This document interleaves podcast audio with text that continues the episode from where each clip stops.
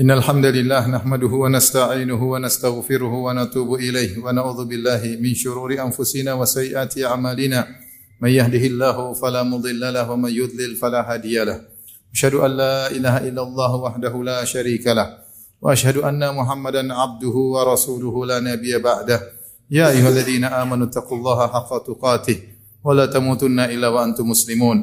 فإن أصدق الحديث كتاب الله وخير الهدى هدى محمد صلى الله عليه وسلم وشر الأمور محدثاتها وكل محدثة بدعة وكل بدعة ضلالة وكل ضلالة في النار معاشر المسلمين أوصيكم ونفسي بتقوى الله فقد فاز المتقون Seorang penyair berkata, "Wa fi kulli syai'in lahu ayah tadullu ala annahu wahid." Dan pada setiap hal ada tanda, setiap perkara ada tanda yang menunjukkan bahwasanya dialah Allah yang Maha Esa. Dan benarlah sungguhnya makhluk-makhluk yang Allah ciptakan, baik yang di langit maupun yang di bumi, semua menunjukkan bahwasanya di sana ada pencipta yang maha sempurna, yang sangat profesional dalam menciptakan segala ciptaannya. Inna fi khalqis samawati wal ardi wa ikhtilafil laili wan nahari la ayatin li ulil albab.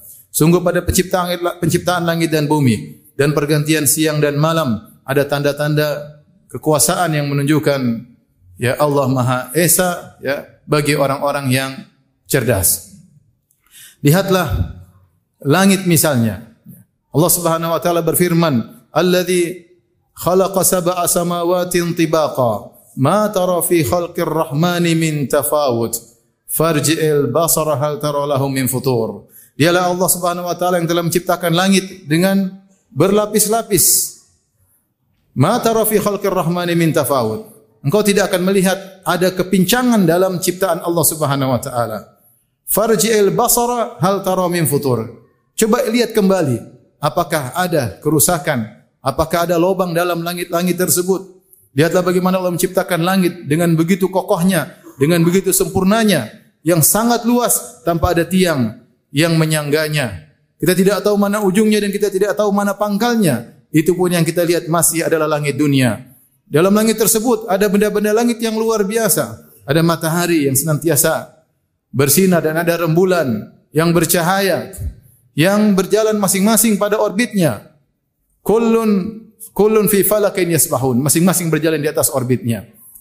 Allah mengatur semuanya dengan keteraturan yang sangat kokoh dan tidak ada ketimpangan sama sekali. Matahari senantiasa terbit pada waktunya dan terbenam pada waktunya. Rembulan pun demikian dan demikian juga perjalanan bintang-bintang. Dengan konsistennya sistem orbit tersebut, maka kata Allah li ta'lamu adada sinina wal hisab, agar kalian mengetahui jumlah bilangan tahun dan kalian bisa menghitung hari, kalian bisa menghitung bulan dan itu kembali kepada kemaslahatan kalian. Siapa yang mengatur ini semua? Dia yang maha sempurna. Alladzi atqana kulla syai' yang telah sempurna dalam menciptakan segala ciptaannya. Lihatlah bumi dengan begitu indahnya, dengan begitu bahan-bahan yang ada di atas muka bumi tersebut. Hewan-hewan dengan sistem ekosistem yang Allah buat, bagaimana laut, bagaimana gunung, bagaimana air laut yang kemudian mengalami siklus naik ke udara, kemudian menjadi awan, kemudian menjadi hujan turun ke tempat-tempat yang jauh dari laut, di mana di tempat-tempat tersebut banyak makhluk-makhluk Allah yang butuh dengan hujan. Siapa yang menciptakan itu semua? Dialah Allah Subhanahu wa taala. Lihatlah dengan kompleksnya material-material yang ada di alam semesta ini di atas muka bumi ini. Yang perlahan demi perlahan manusia mengetahui bagaimana manfaatnya di kemudian hari. Sumber-sumber energi yang Allah buka sedikit demi sedikit yang dahulu tidak diketahui oleh manusia berjalan dengan kebutuhan yang semakin mendesak semakin mendesak maka Allah bukakan pintu-pintu ilmu bagi manusia sehingga mereka tahu ternyata ini bermanfaat untuk itu, ini bermanfaat untuk ini. Apakah ini terjadi semuanya kebetulan? Tidak, semuanya telah disiapkan oleh Rabbul Alamin yang Maha sempurna dalam menciptakan alam semesta ini.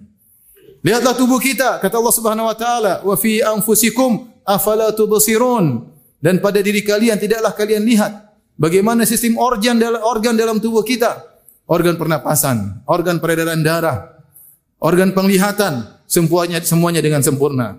Lihatlah dalam tubuh kita, jantung bergetar, berdetak dengan sendirinya, di luar daripada pengaturan kita. Sejak kita dalam janin, terus berdetak dan tidak pernah berhenti ketika kita beraktivitas, ketika kita sedang tidur, ketika kita tidak sedang dalam kondisi tidak sadar, jantung tetap berdetak. Siapa yang mengaturnya? Allah Subhanahu wa taala. Lihatlah bagaimana organ-organ yang lain. Seandainya Allah menyuruh kita mengatur sistem dalam tubuh kita, kita tidak bakalan mampu. Terlalu kompleks, terlalu ruwet. Tapi diatur oleh Allah Subhanahu wa taala. Kenapa? Karena dialah yang maha sempurna dan dia maha sempurna dalam menjalankan sunan kauniyah, aturan-aturan alam semesta, sunnatullah sunnatullah dijalankan oleh Allah dengan luar biasa. Maka Allah berkata, ya, Alladhi khalaqa sab'a samawatin tibaqa. Hal tara min khalqir rahmani min tafawud. Apakah engkau melihat ada ketimpangan dalam ciptaan-ciptaan Allah? Tidak ada ketimpangan sama sekali. Bahkan lalat, hewan yang mungkin kita jijik melihatnya. Allah mengatakan, Ya ayuhan nasu dhuriba mathalun fastami'u Wahai manusia sekalian, dijadikan lalat sebagai dibuat perumpamaan untuk kalian maka dengarkanlah. Innal ladzina tad'una min dunillah la yakhluqu dzubaban walau ijtama'ula. Sungguhnya yang kalian sembah selain Allah tidak akan bisa menciptakan meskipun hanya seekor lalat. Seandainya seluruh malaikat bersatu padu, seandainya seluruh nabi dan rasul bersatu padu, seandainya seluruh wali-wali bersatu padu yang disembah-sembah selain Allah Subhanahu wa taala untuk bisa menciptakan lalat mereka tidak bakalan mampu. Hewan yang dengan penuh kesempurnaannya, dengan mata fasetnya, dengan gerakannya yang luar biasa diciptakan sebagai lalat penuh dengan kesempurnaan. Maka tidak ada yang bisa menciptakan seperti seperti lalat. Bagaimana tah lagi dengan makhluk-makhluk Allah yang lebih hebat daripada itu semua. Ini menunjukkan bahwasanya Tuhan kita Rabbul Alamin sempurna dalam aturan-aturan alam semesta, dalam sunnatullah sunnatullah. Tidak ada yang bisa menciptakan seperti Allah Subhanahu wa taala. Aqulu qawli hadza astaghfirullah li wa lakum wa lisal muslimin min kulli dhanbin wa khati'ah fastaghfiruhu innahu huwal ghafurur rahim.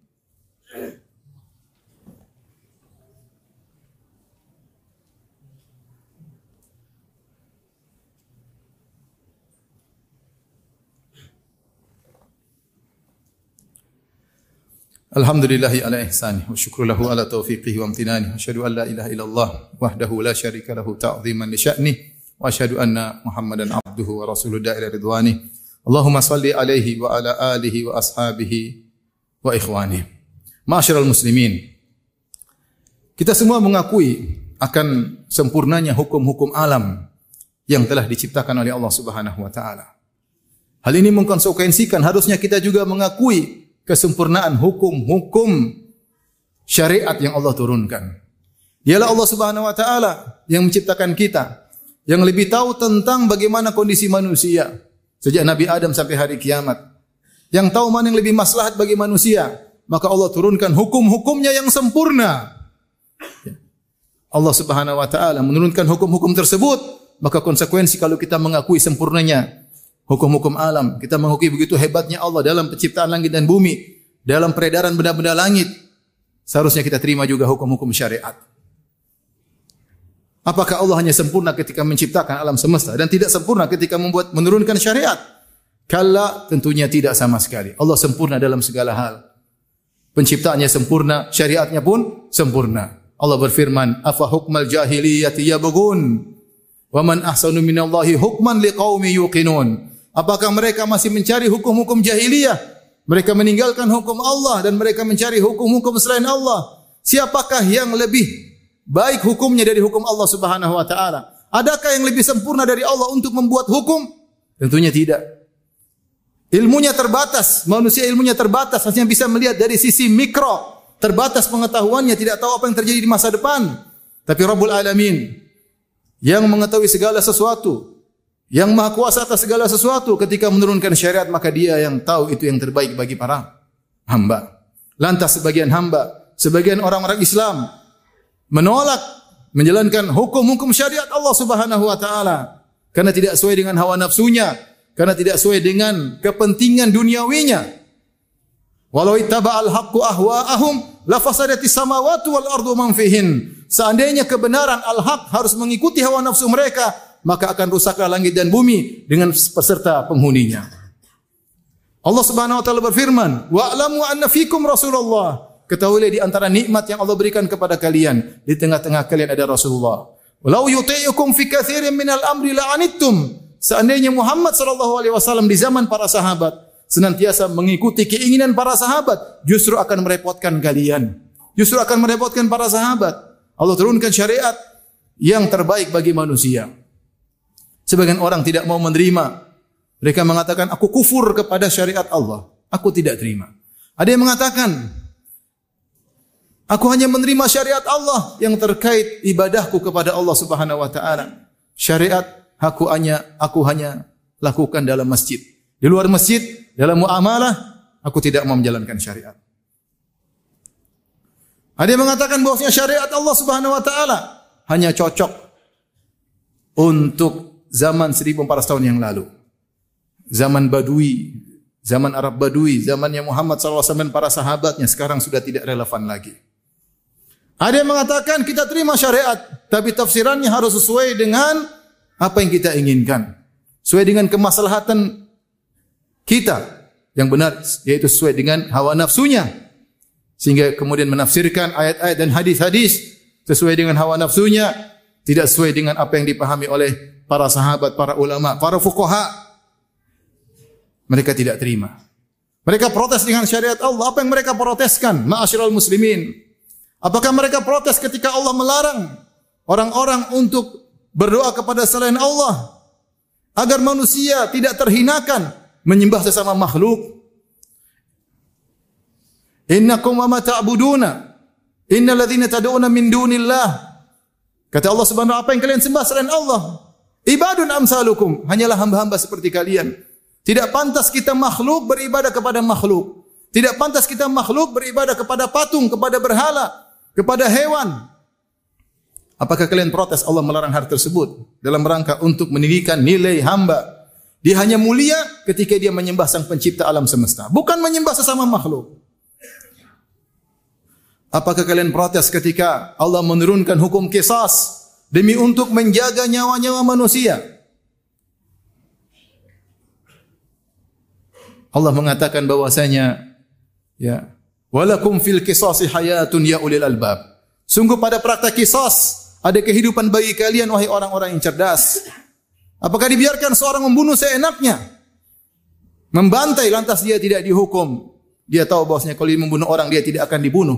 Itukah syariat yang kalian inginkan sehingga nyawa terasa murah?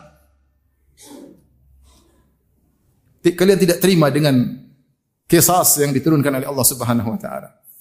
Apakah kalian protes tentang hukum yang Allah turunkan terkait dengan lelaki dan wanita? Yang Allah memahami bagaimana perbedaan antara lelaki dan wanita. Kalian ingin disamakan dalam segala hal.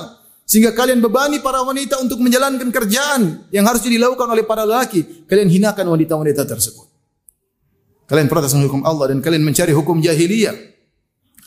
Apakah kalian protes ketika Allah mengharamkan zina demi untuk menjaga kemuliaan seseorang? untuk menjaga nasab seseorang, untuk menjaga rumah tangga kaum muslimin, kalian protes, diharamkan zina. Kalian ingin terjadi kerusakan. Kalian ingin penyakit tersebar. Kalian ingin bahwasanya rumah tangga hancur. Apa kalian protes ketika Allah mengharamkan homoseksual yang akan merusak sosial kemasyarakatan, merusak rumah tangga, merusak kehidupan para pemuda dan pemudi. Terlalu banyak syariat-syariat Allah dengan begitu beraninya diprotes oleh makhluk-makhluk yang penuh dengan kekurangan. Mereka berani-berani menentang syariat yang sempurna yang turun dari Maha sempurna dialah Allah Subhanahu wa taala. Semoga Allah Subhanahu wa taala mengembalikan kita kepada jalan yang benar. Semoga Allah Subhanahu wa taala membuat dada kita lapang untuk menerima hukum-hukum Allah Subhanahu wa taala. Inna Allah malaikatahu yusalluna 'alan nabi ya ayyuhalladzina amanu sallu 'alaihi wa sallimu taslima. Allahumma salli ala Muhammad wa ala ali Muhammad kama sallaita ala Ibrahim wa ala ali Ibrahim innaka Hamidum Majid. Wa barik ala Muhammad wa ala ali Muhammad kama barakta ala Ibrahim wa ala ali Ibrahim innaka Hamidum Majid. اللهم اغفر المسلمين والمسلمات والمؤمنين والمؤمنات الأحياء منهم والأموات إنك سميع قريب مجيب دعوات ويا قاضي الحاجات اللهم آت نفوسنا تقواها وزكها أنت خير من زكاها أنت وليه مولاها اللهم إنا نسألك الهدى والتقى والعفاف والغنى اللهم إنا نسألك الهدى والتقى والعفاف والغنى ربنا آتنا في الدنيا حسنة وفي الآخرة حسنة وقنا عذاب النار وأقيموا الصلاة Good one.